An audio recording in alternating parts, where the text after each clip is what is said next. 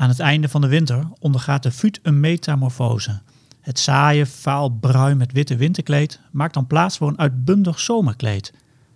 Daarmee maken futen elkaar in het vroege voorjaar het hof.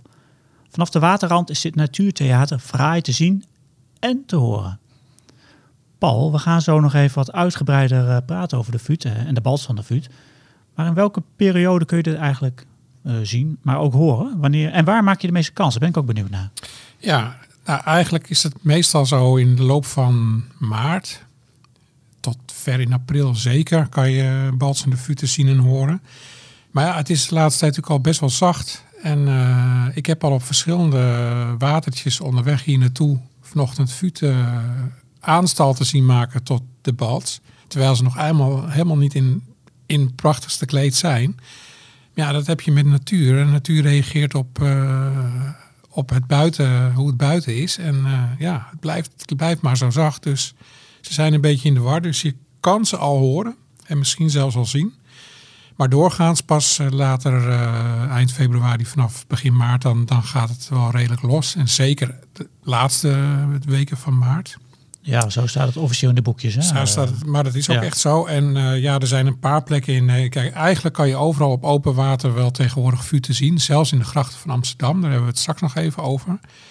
Maar er zijn twee plekken waar die heel bekend zijn bij fotografen. Dat is uh, de Zuiderhaven bij Den Oever. Waar heel veel futenbals in het voorjaar. Waar je er echt tientallen bij elkaar kan zien zelfs. En ik weet persoonlijk de haven van Medemblik. Dat je daar ook meerdere paardjes tegelijk kan zien en ook heel mooi vanaf de stijgers kan fotograferen. Dus dat zijn wel uh, plekken die ik aanraad als je ze mooi op de foto wil zetten. Nou, wil je dus de Futebals uh, uh, zien en, en, gaan horen, dan gaan naar deze twee plekken die Paul net noemt. Dan heb je een grote kans dat je een mooie, een mooie show ziet. Maar wij gaan nu ook naar buiten om te kijken en om te luisteren naar de Fut.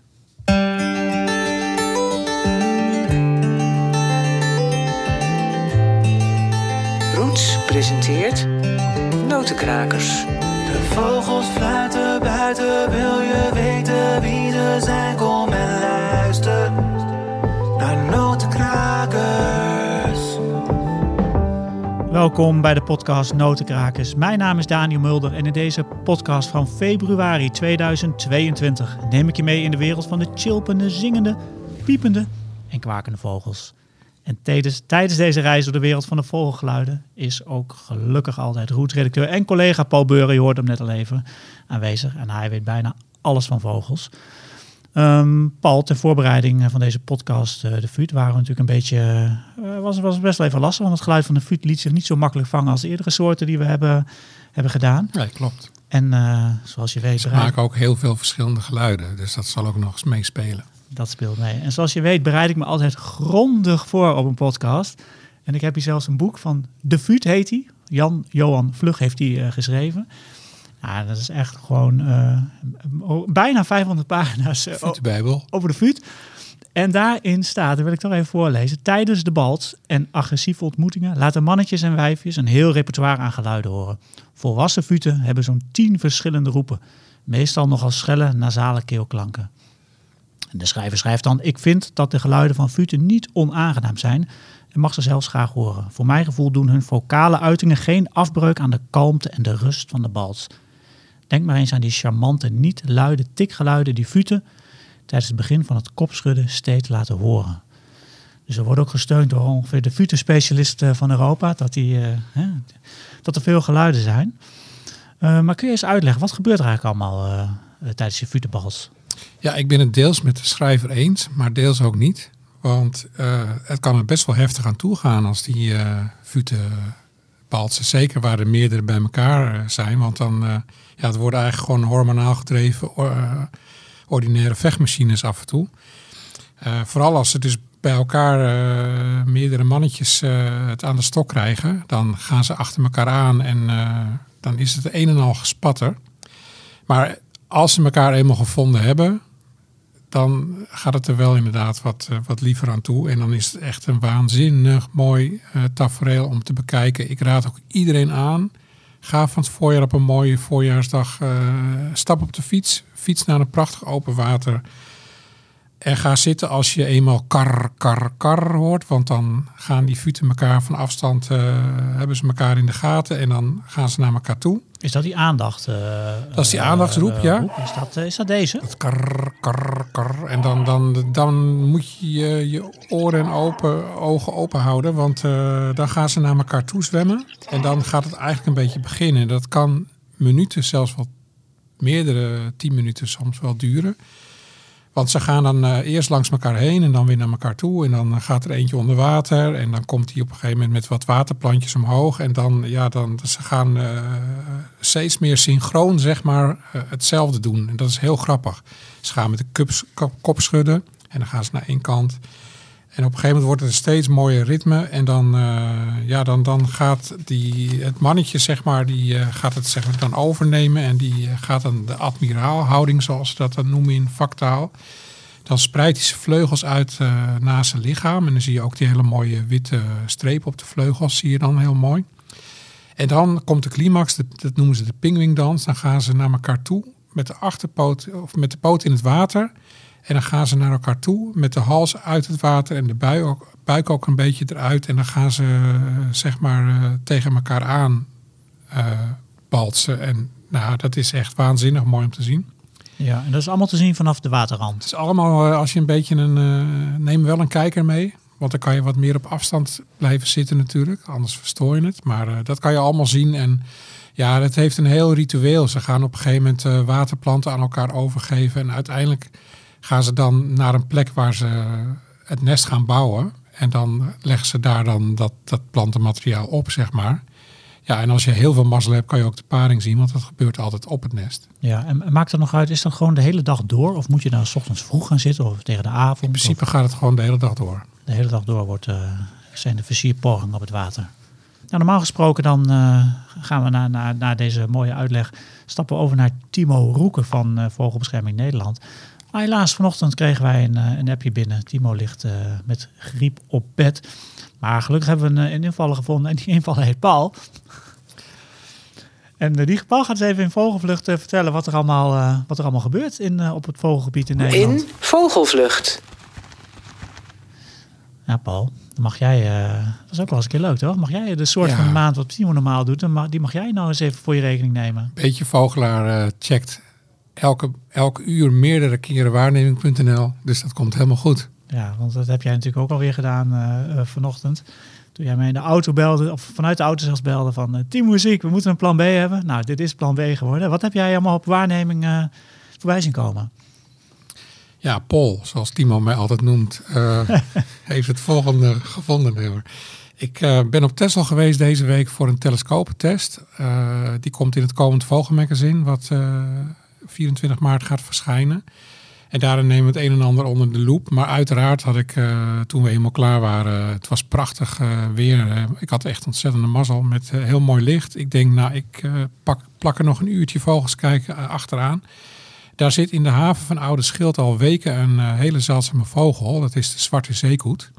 En dat is echt heel leuk, want je denkt aan een zeekoet toch aan een wat grotere vogel. Maar dat zwarte zeekoetje is heel klein, is nog geen 30 centimeter. En het grappige was, hij zwom even naast een meerkoet en dan kan je het vergelijken.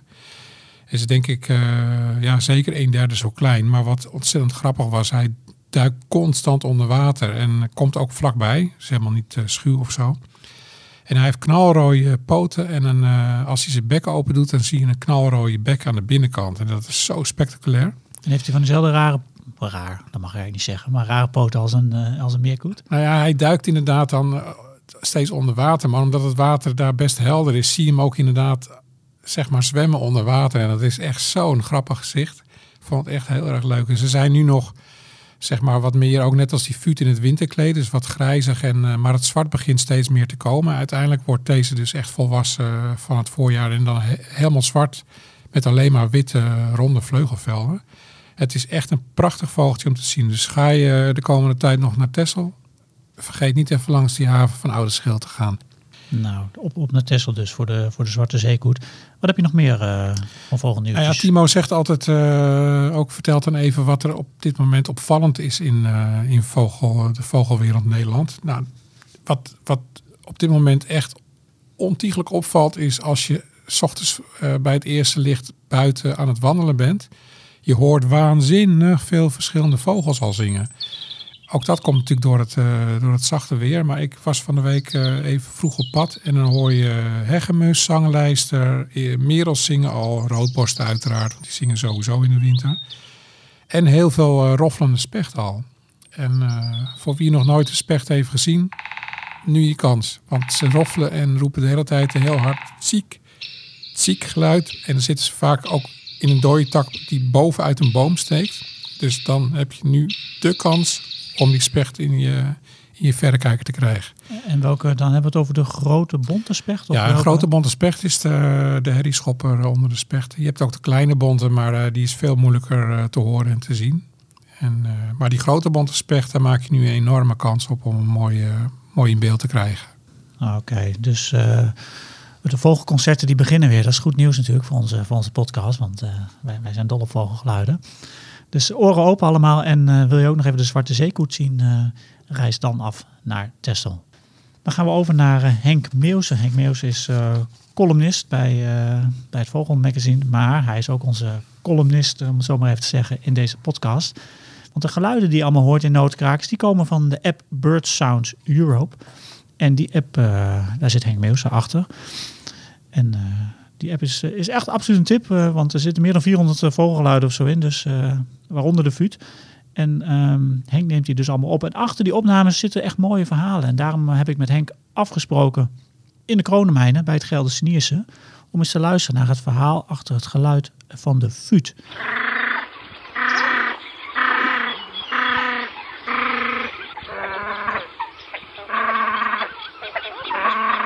Henk, wat horen we hier? Nou, letterlijk hier. Een grote bonte zit eh, te roepen boven in een boom. En eigenlijk nog leuker. We zijn hier nog niet eens zo lang, midden op de Veluwe. Ik heb al een rietgans gehoord, een koolgrans, gouden gans en brandgans. Dat is echt wel, eh, wel bijzonder. Sowieso bijzonder, want ik hoor alleen maar ganzen. Maar jij hoort eh, drie soorten ganzen overvliegen. Maar volgens mij staan we hier niet voor ganzen. Nee, ja, dat is misschien ook het probleem. De soort van nu, hè, de soort van deze maand, is een soort van de ene kant die ik zelf heb moeten leren kennen later. Ik kom van de zandgronden, nou daar had je geen futen. Daar had je eh, ook uit een schaatsplas, maar daar zat geen fut op. Ehm dus een soort die ik later heb leren kennen. En wat dan wel opvalt, de laatste jaren eh, in Wageningen heb je een mooie nevengeul. Daar heb ik een keer met mijn parabool bij wat futen gestaan. En dan blijkt dat die beesten, sorry, beesten klinkt altijd zo, dat die vogels eh, wel aardig toch nog wel creatief zijn, vocaal gezien. Het zijn een beetje, eh, je bent een beetje geneigd om ze te negeren zoals eenden of zo en meerkoeten. Maar als je er even op let op zijn fuut, dan heeft hij meer noot op zijn zang dan je, dan je zou verwachten. Maar het geluid wat ik net hoorde, ik mm, weet niet, ik vond het niet heel muzikaal of zo. Nee, maar de fuut is sowieso niet muzikaal. Dit is een beetje, ja, dit noemen ze de angstroep, maar ik weet niet of, de, of, of communicatie als ze elkaar kwijt zijn of even, even contact. Dus ja, dat is een, een beetje een, klinkt een beetje grommend, maar de fuut heeft nog een veel mooier, eh, veel mooier geluid. Een, eh, een diepe, lage grom. Auw, hoor je dan. Auw, met met zo'n extra nootje eraan vast. Die heb ik eh, een paar jaar geleden op de IJsselmeer opgenomen. Hij zat eigenlijk iets te ver. En dat verraste me wel. En daar werd ik wel, ehm, nou, daar werd ik wel enthousiast van. Want het is geen, eh, hè, wat je zegt, het is niet per se eh, mooi of zangerig. Maar de, de lage toon, de, de, hè, ik, ik vond dat echt een hele, heel mooi geluid. Dus het staat wel op mijn verlanglijstje om die futus wat dichter bij de microfoon te krijgen met die mooie lage grunt, zou je bijna zeggen. Maar het geluid dat we nu net eh, beluisteren, die heb je toch opgenomen al? Ja, die heb ik, eh, ja, die heb ik opgenomen. Ja, dat is typisch dat ik dat dan bijna vergeet. Want daar was ik niet actief naar op zoek. Eh, die, eh, die andere futen, het baltsgeluid van een fut, dat heb ik mooi op kunnen nemen op die Nevengeul in Wageningen.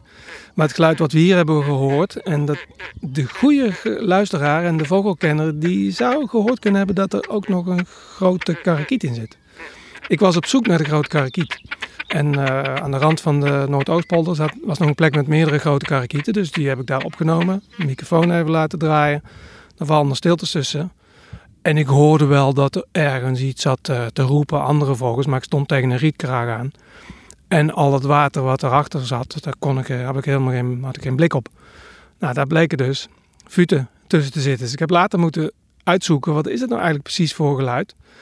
En ehm, nou ja, dat was dus de fut. Die heb ik zo goed en zo kwaad als het gaat eh, eruit weten te isoleren. En die is in de, in de app terechtgekomen. En dit is eigenlijk een bijvangst, zoals je vaak als je vogelgeluiden gaat opnemen, een, een bijvangst hebt. En nou ja, wat ik zeg, dit was één van de geluiden. En, en eh, nou ja, zo heeft de fut dus meer geluiden. En wat ik ook nog dacht, het is een beetje een, een soort die je geneigd bent, niet alleen geneigd, want ik heb het ook gedaan, te negeren. Maar als je dan op een plek staat, en dat, dat kan zelfs in Amsterdam, waar meerdere futen territorium hebben, dan, dan ga je die geluiden beter horen. dus eh, zoals ik eigenlijk zo ongeveer bij elke aflevering zeg, eh, neem geen genoegen met het feit dat je hem ziet of hoort, maar ga er iets langer bij staan. Dan zul je waarschijnlijk meerdere verschillende geluiden van die fut gaan horen en ook de interactie onderling. Want als het, eh, als het iets drukker is met futen, dan kunnen ze een beetje van die dreighouding aannemen, laag over het water gaan zwemmen, proberen de ander een beetje te, te overtroeven. En dan komen die, die geluiden ook aan, aan de pas. Dan, ja, dan gaan ze geluiden maken. En dan, dan zijn ze dus uh, vocaler dan je zou verwachten. En kun je nou als stadsbewoner, hè, want Fute die zie je natuurlijk gewoon in de stad zwemmen, in Amsterdam woont of uh, in Zwolle, of, of noem, noem, noem, een stad in Nederland, waar, waar grachten zijn, dan kun je Fute misschien wel zien zwemmen.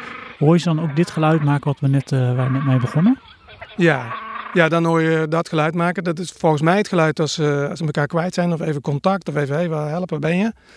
Um, en daarnaast heb je natuurlijk de bals. En misschien dat mensen, de, bals, ja, die is natuurlijk mooi. Ze gaan tegenover elkaar zwemmen, ze gaan kop schudden. Daar hoort ook geluid bij. Maar ik kan me voorstellen dat je bij het zien van die bals, want dat is heel mooi, dat je een beetje wordt afgeleid. En het geluid valt niet echt op. Het is niet zo dat ze, uh, dat ze helemaal uit hun dak gaan tijdens het balsen. Maar je hoort wat, uh, wat tikkende, tak, tak, ritmisch tikkende, tikkende geluiden. En uh, ja, dat, dat valt gewoon minder op. Uh, en die bals is natuurlijk ook schitterend gewoon om te zien. Eigenlijk bijna, je zou bijna zeggen, niet, uh, niet des vogels. Hè. Vogels doen heel erg hun best om te zingen. En misschien nog een balslugje van één individu. Maar met z'n tweeën er een beetje een dans op nahouden. Nou, dat is toch wel, dat is toch wel heel bijzonder voor een vogel. Ja, dus, dus een lust voor het oog om te zien natuurlijk, die bals van de futen. Maar dat geluid waar we net mee begonnen, hoor je dat dan ook tijdens de bals? Niet dat geluid waar we zelf mee begonnen, dat, dat heeft een andere functie. Dat is echt meer een, een contactgeluid. En bij die bals hoor je dus dat, uh, ja, wat ik net beschrijf, was een beetje ritmisch uh, tikkend geluid. Misschien kun je er in de podcast even bij, bij monteren. Want dat is, maar ja, wat ik al zeg, het is geen van alle mooi. Het blijft ook niet, niet hangen. Je moet er een beetje best voor doen om het te leren herkennen. Maar ja, dat is één, één van de dingen wat vogels kijken en luisteren zo mooi maakt. Is dat je um, geluiden gaat herkennen, mooi of niet, is dat je het uh, weet op een gegeven moment wanneer je wat kunt verwachten. Dat je op een gegeven moment gewoon ergens bent en denkt, hé, hey, hier zit de futen. Ja, dat is natuurlijk, misschien is dat wel het leukste van het geluid. En de schoonheid, ja, dat is bonus. Als, als je een vogel te pakken hebt die heel mooi zingt, is het bonus. Bij een fut is het, um, nou ja, uh, rijtjes leren zoals, uh, zoals op de school moest met, uh, met de woordjes Duits en Engels. Nou, dan gaan we nog één keer luisteren naar het geluid van de fut. En uh, ja, dat rijtjes leren, dat, dat, dat misschien een beetje af. Maar uh, het, is toch mooi om, om, die in je geheugen te hebben. Hier komt die.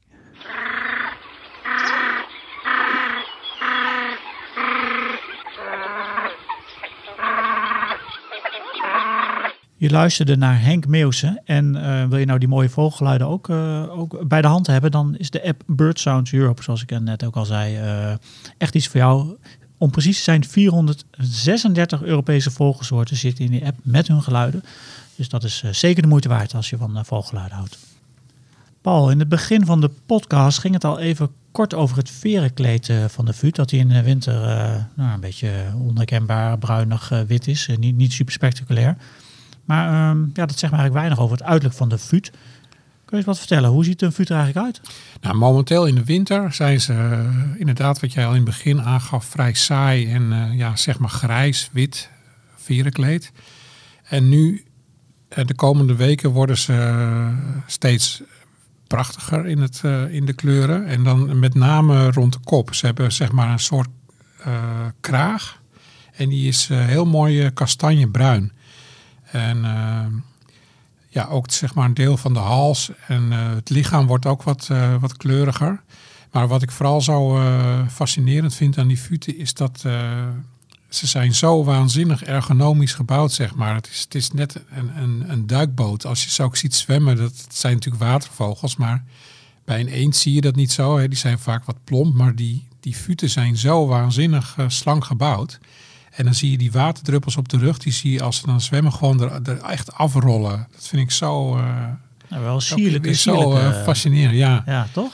En je hebt natuurlijk best wel veel soorten futen. En ook kleine. Je hebt Doda is natuurlijk een heel kleintje. En dan de gehoorde futen, die, eh, die krijgen ook zo'n hele mooie kraag maar met, met geel erin. En het zijn gewoon echt waanzinnig mooie vogels om, eh, om, het, om te zien. En eh, Ja, want, want die, eh, even als ik jou mag onderbreken, die, die veren van de vuut, de, van de borstveren, dat las ik ook weer in dat boek van, eh, van de vuut. Die werden vroeger heel veel gebruikt voor, voor, de- voor, voor dames, voor, voor, voor zo. bond. Nou, Ja, voor, voor ja. die Oh, mof heet dat, hè, waar je handen in gingen. ja, klopt. Er werden heel veel vuuten door, voor afgemaakt eigenlijk gewoon. Ja, ja. Ze dat het zijn zo ook, lekker zacht is. ze zijn ook halverwege vorige eeuw waren ze gewoon bijna niet meer in Nederland.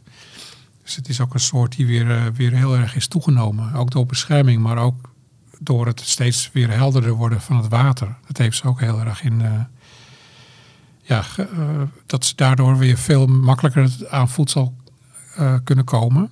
Ja. Dus maar goed, niet te missen dus eigenlijk als ik jou zo beluister. nee hoor, nee, nee. En wat ook grappig is, wie in, de, in de winter vaak aan het strand komt, zal ook misschien opgevallen zijn dat er heel veel futen op zee leven in de winter. Ze kunnen dus blijkbaar gewoon overschakelen van zoetwatervis naar zoutwatervis. En het, Oh. het is heel visrijk momenteel eh, eh, langs de kust. Veel jonge vis en eh spierings en zo. En dat eten ze heel veel. Dus je ziet nu echt hele grote groepen futen gewoon op zee. En dan blijven ze ook gewoon. Het is niet dat ze even vanuit een binnenwater naar zee vliegen, vissen en dan weer terug of zo? Of, of- Nou ja, ze, dat? vormen in de winter dus groepen. Zowel op zoetwater zoals het IJsselmeer, eh, waar veel vis eh, te vinden is. Hè. Eh, je, Mhm. je hoort ook, op dit moment heb je misschien wel gehoord op het nieuws al... dat Enkhuizen wordt geterroriseerd door aalscholvers. Mhm. Er zit gewoon heel veel vis, ook in die havens. Dus daar verzamelen zich ook grote groepen futen. Maar zodra het dan eh, weer voorjaar wordt, trekken ze weer het binnenland in. Want ze broeden natuurlijk eh, in de rietkraag. Dus dan moeten ze wel weer eh, naar het binnenland. Maar het zijn dus ook vooral, denk ik, ook deels jonge futen die nog ongepaard zijn. En die gaan dan in grote groepen op zee blijven. Ja, want, want over dat leefgebied, hè, je noemt het al even, het binnenland zeg je al. Want waar, waar vind je futen met name in de, in de binnenlanden? Nou, in principe overal waar het water halve meter tot, tot maximaal vijf meter diep is. Dat is hun favoriete eh, onderwatermilieu. Dat heeft dan ook te maken met forens en zo waar ze van leven, die eh, soorten vis waar ze op jagen. En ze moeten dus een rietkraag hebben waar ze hun nest in kunnen bouwen. Want ze hebben het liefst dat het vast ligt in het riet. En eh, dat bouwen ze gewoon op een iets wat drijft en daar leggen ze dan wat eh, waterplant op. Daar worden gewoon letterlijk die, die eitjes opgelegd. Ja, maar je ziet ze ook in de stad, toch? Eh, In de stad heb je geen rietkragen over het algemeen. Nee, maar ja, daar, daar broeden ze op de gekste plekken. Eh, iets wat drijft, daar bouwen ze al een ne- nest op. Dat is wel grappig. Als je, je hebt bij een woonboot wel eens iets eraan hangen met, met een vlonder of dat soort dingen. Nou, dan bouwen ze gewoon rustig een nest eh, op. Dus Ja. het is, en het, het water in de gracht is veel helderder geworden dan vroeger. Omdat je natuurlijk tegenwoordig dichte riolen hebt. En eh, nou, daar profiteren ze enorm van. Dus eh, je ziet ze ook gewoon in de stad. Oké, en, en gaat het eigenlijk goed met de vuut? Is het een, eh, een bedreigde vogel of juist niet? Gaat hartstikke goed met de vuut. Zijn, het maximale aantal broedparen op dit moment staat, als ik het goed zag, in de vogelatlas op rond de 16.000. En volgens mij is dat gewoon stabiel of licht stijgend zelfs. En de winteraantallen zijn twee keer zo hoog. Het zijn echt eh 25.000 tot 30.000 vogels in de winter die hier verblijven. Heb je nog eh, tijdens je speurtocht naar futen, futenkennis, ben je nog leuke weetjes tegengekomen? Nou, er zijn een paar dingen die, eh, die wel heel leuk zijn om te melden. Het eerste is dat eh, een fut maximaal één minuut onder water kan blijven. Vond ik best wel lang voor, eh, voor zo'n vogel. Zeker. Maar goed, eh, meerdere keren is het een snelle jager hoor. En duikt hij heel snel naar vis. En hangt natuurlijk als hij wat heeft, dan gaat hij natuurlijk naar boven. Dus, eh, en wat, ik, wat heel erg bijzonder is aan eh, jonge futen. Die worden natuurlijk met vis gevoerd door de ouders. Maar ook af en toe met zachte veertjes. En dan heb je het vooral over veren die komen uit de buik en de, de borst zeg maar, van, ik noem maar wat, eenden of zo. Dat zijn hele zachte veren. Maar omdat ze die eh, jonge vuurtjes voeren met eh, vis, die, hebben natuurlijk, eh, die sli- slikken ze heel naar binnen. En dat verteert natuurlijk grotendeels, maar die, de vinnen en graten niet.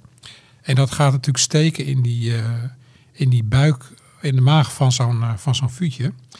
En door dat te bekleden met zachte veertjes, voorkomt dat dat door die maag gaat steken. Oh, slim. Heel slim. En, eh, maar goed, af en toe moet het er wel uit. Dus ze braken wel om de zoveel tijd een, een, een veren gratenbal uit, zeg maar. Maar om die maag te beschermen, eh, krijgen ze dus allemaal hele zachte veertjes eh, die ze naar binnen slikken. En dat zorgt dus voor de bescherming van hun maag. Ja, het wordt dus een beetje ingepakt. Nou, en wat natuurlijk heel grappig is, als, als je later in het voorjaar eh futen ziet met kleintjes. Die kleintjes, het lijkt net alsof ze een pyjama aan hebben. Die zijn zwart-wit gestreept. Echt uber, uber leuk om te zien. Ja, dat is schattig. En, eh, maar de eerste twee weken zijn die beesten natuurlijk best wel kwetsbaar voor snoeken. Of eh, die bruine kikkerdief die natuurlijk altijd, altijd jaagt op, op, op kuikens. En dan liften die eh, jonge vogeltjes dus mee op de rug van Ma. Totdat ze te groot worden om ze allemaal in één keer mee te nemen. En dat, dat meevaren op de rug, dat is echt geweldig. En dat duurt een week of twee. Dus dan, dan kan je af en toe zie je zo'n enorme vuut met en dan zie je opeens die kopjes eruit. Ja, je kent het vast wel van de foto's die eh, elk voorjaar weer voorbij ziet komen. Maar Ja, die ook in roots, Dat is eh, natuurlijk echt die ook in roots staan. eh, ja, want om, om hoeveel jongen gaat dat eigenlijk? Dat is achterop, daar heb ik eigenlijk nooit zo op gelet. volgens mij leggen ze een eitje of drie, vier gemiddeld. En dus hebben ze vaak toch wel drie, vier jongen mee achter, achter zich aan. Mooie weetjes. Waren dat zo of heb je er nog... Ja, nee, volgens mij was dat wel. Oké. Nou, wil je, wil je nog meer weetjes over vogels lezen? En eh, andere verhalen natuurlijk. Roots brengt twee keer per jaar het Vogelmagazine uit. En deze krijg je bij een jaarabonnement op Roots. Het laatste nummer ligt nu nog in de winkel, maar er wordt al hard gewerkt aan een, eh, aan een, aan een nieuw nummer. Paul is er nu druk mee bezig, samen met, al, met mijn collega's natuurlijk. Ja. De Roots die er nu nog, eh, dat is een, beetje het winternummer eigenlijk, die kun je bestellen via rootsmagazine.nl. En dan krijg je hem gewoon zonder eh, verzendkosten eh, thuisgestuurd. Paul, even alvast een kleine vooruitblik naar het Vogelmagazine voorjaar. Eh, wat, wat gaat er allemaal in, even snel, wat gaat er allemaal in komen? We hebben een hele mooie wandelroute eh, langs de zuidkant van de Oostvaardersplassen. Waar je de zeearend niet meer kan missen. En we hebben een hele spectaculaire reportage over de kroeskoppelikaan. Want eh, die vogel die leefde ooit in ons land. Dat is bewezen uit resten die gevonden zijn. En eh, in jachtbuiten waar ook kroeskoppelikanen tot de 15e eeuw in gevonden werden. En er zijn... eh, nou, verregaande plannen wil ik nog niet zeggen, maar er is een onderzoek naar gedaan en het blijkt dat Nederland rijp is voor de terugkeer van de kroeskopelikaan. En het is een van de grootst vliegende vogels ter wereld en omstreken. Ja, het zou wel echt ongelooflijk kicken zijn als, eh, als dat weer eh, gaat gebeuren. Dat we Maar gewoon in Gaan ze die Zeeland... uitzetten dan? Of wat? Of Ja. moet hij uit zichzelf hier naartoe komen? de Eh, zeearend? het, het, het is dus zo dat eh, in Blijdorp zitten ze met een hele hoop kroeskopelikanen een beetje in hun maag. Dat, die doen het daar supergoed. En ze weten eigenlijk niet zo goed wat, wat ermee te doen. Toeval wil dat, dat er plannen, dat er onderzoekers zijn geweest die hebben gekeken hoe je dat het beste aan kunt pakken. Dan, dan zou je zo'n, je zou ze niet per stuk uit moeten zetten, maar per kolonie. En dan moet je denken aan 50 stuks op een plek. Dat zou dan echt levensvatbaar zijn om weer een kolonie kroeskoppelikanen in Nederland te krijgen. Ja, daar zou je de, dat, dat zou vanuit Blijdorp zomaar uh, uitgezet kunnen worden. Dus ik ben voor. Jij bent voor. Nou, ik ben benieuwd. En waar moet het gaan gebeuren dan? Oostvaardersplassen? Uh, Oostvaardersplas is een plek, de randmeren, Friesland, de meren van Friesland en de Biesbos. Biesbos zou ook een hele goede plek zijn om uh, mee te beginnen. Viszat, plekzat. Spectaculair. De kroeskoppelikaan. Nou, wie weet. Maar in ieder geval een verhaal erover in het, in het volgende magazine. Dan gaan we nu naar, uh, naar het volgende rubriekje in deze podcast.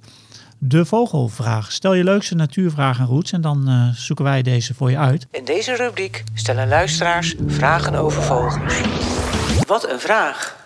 Ja, Paul, ik heb, uh, deze keer heb ik geen uh, lezersvraag, maar een vraag die ik zelf eigenlijk heb, heb, bedacht. Want onlangs was er een flinke storm in Nederland, storm Corrie genaamd. En um, wat ik mij toen afvroeg, en jij volgens mij ook, waar gaan die vogels eigenlijk heen als het stormt? En dat heb je uitgezocht. Ja, nou, toeval wil. Ik woon langs de kust. En het stormde heel hard. zeggen, je zat in het, oog- in het epicentrum van de storm volgens ja, mij. Ik kan je vertellen, alle vogels zijn weg. Ja, echt, echt gewoon, Gewoon alles is niks weg. meer. Ja, nee, ik liep gisteren weer langs de kust en er zit helemaal niks meer. Nu Nee, ook hoor. nog niet, of tijdens de storm. Nee, wat, Nee, alles is nu- weggewaaid. Nu het serieus antwoord. Het is trouwens het is wel grappig dat eh, waar ik woon heb je dus eh, vlak achter de Honsbos eh, zeewiering. Hè, de- de- daar, heb je een, daar heb je een zandspletie gedaan vijf jaar geleden. En daar zijn dus duinen ontstaan. Nou, die duinen zijn nu grotendeels weg. Echt te bizar voor woorden om te zien. Maar het is echt gewoon bijna helemaal is een stuk weg. Ze hadden groen strand aangelegd voor eh, strandbroeders. Alles is weg. En wat je wel ziet is inderdaad dat bijvoorbeeld vlak achter die dijk ligt dus eh, een paar plasjes, de putten. En daar zitten normaal heel veel aalscholvers. En tijdens die storm zaten die vogels allemaal in de polder erachter langs een sloot te schuilen. Dat heb ik echt eh, letterlijk gezien. Maar we, je denkt dan natuurlijk ook vooral aan zangvogeltjes en kleinere vogels. Er is onderzoek naar gedaan. Eh, volgens de schaal van windkracht 8 zijn er eh, echt nog heel weinig vogels die dan echt nog vliegen. En eh, bij windkracht 9, wat dus het laatst aan de hand was met Corrie, dan durven eigenlijk alleen maar zwaluwen en eenden nog te vliegen. En ik heb het ook wel eens gezien tijdens waterwildtellingen vroeger op het IJsselmeer, waar het ook stormde. En dan zag je eenden vliegen tegen de wind in, die gaven het gewoon op, die plonsten dan neer. En je zag eenden met iets van 120 km per uur, die hadden wind mee. Eh, Dat is echt heel spectaculair om te zien. Maar dan moeten ze op een gegeven moment draaien en dan plonsen ze in het water. Maar eh, wat ze dus, eh, als het nog harder gaat stormen, allemaal gaan doen, is dat ze echt de luwte opzoeken. Dus toch in het riet gaan zitten op plekken waar, waar, waar ze uit de wind zitten. Verzangvogeltjes gewoon achter een huis in een struik. En daar is het gewoon dan bijna windstil. En eh, dus op die manier eh, zoeken ze inderdaad de luwte op tot het voorbij is. En Zo'n storm duurt over het algemeen toch altijd maar een vrij korte periode dat die zo heftig is. En dat weten ze. Nou, mooi, mooi antwoord, Paul. Mooie, mooie verklaring voor waar ze blijven eh, als het gaat stormen en als het stormt. Heb je nou ook een, eh, een vraag over vogels? Deze kun je mailen naar ons. En het handigste is dat om te doen naar info.rootsmagazine.nl. Paul checkt die eh, mailbox altijd en eh, vist daar de vogelvraag uit die hij eh, kan beantwoorden. Hij beantwoordt bijna alle vragen trouwens sowieso. Dus heb je een mooie vraag, mail het ons en wie weet behandelen we hem in de volgende podcast. Notenkrakers. Zoals gezegd, de geluiden die je in deze app hoorde, die komen van, van de app Bird Sounds Europe. En die worden gemaakt, eh, die meeste geluiden worden gemaakt door Henk Meeuwsen. We hadden het ook al even over het Vogelmagazine. Dus kun je geen genoeg krijgen van vogels? Nou, dan is het Vogelmagazine echt iets voor jou. Te bestellen via rootsmagazine.nl. En ehm, nou, als je nou denkt, ik vind Roots ook leuk. Het Vogelmagazine krijg je bij een abonnement bij Roots. Dus dan heb je, sla je eigenlijk twee vliegen in één klap. En dan gaan we het hebben over de volgende podcast die wij in maart eh, gaan maken. Paul, kun je al een beetje uitleggen waar die over gaat? Volgens mij over de buizerd. Over de buizerd? Ja, gaan we het echt over de buizerd hebben? Nou, dan ga ik die eens even laten horen.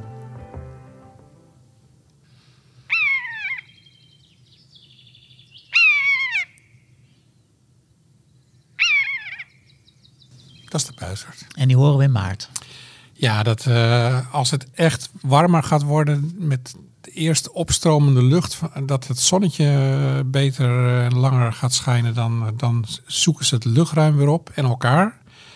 En dan is dit contactgeluid en dan moet je ook weer heel erg goed gaan opletten. Want dan gaan ze op een gegeven moment de meest fantastische capriolen hoog in de lucht maken.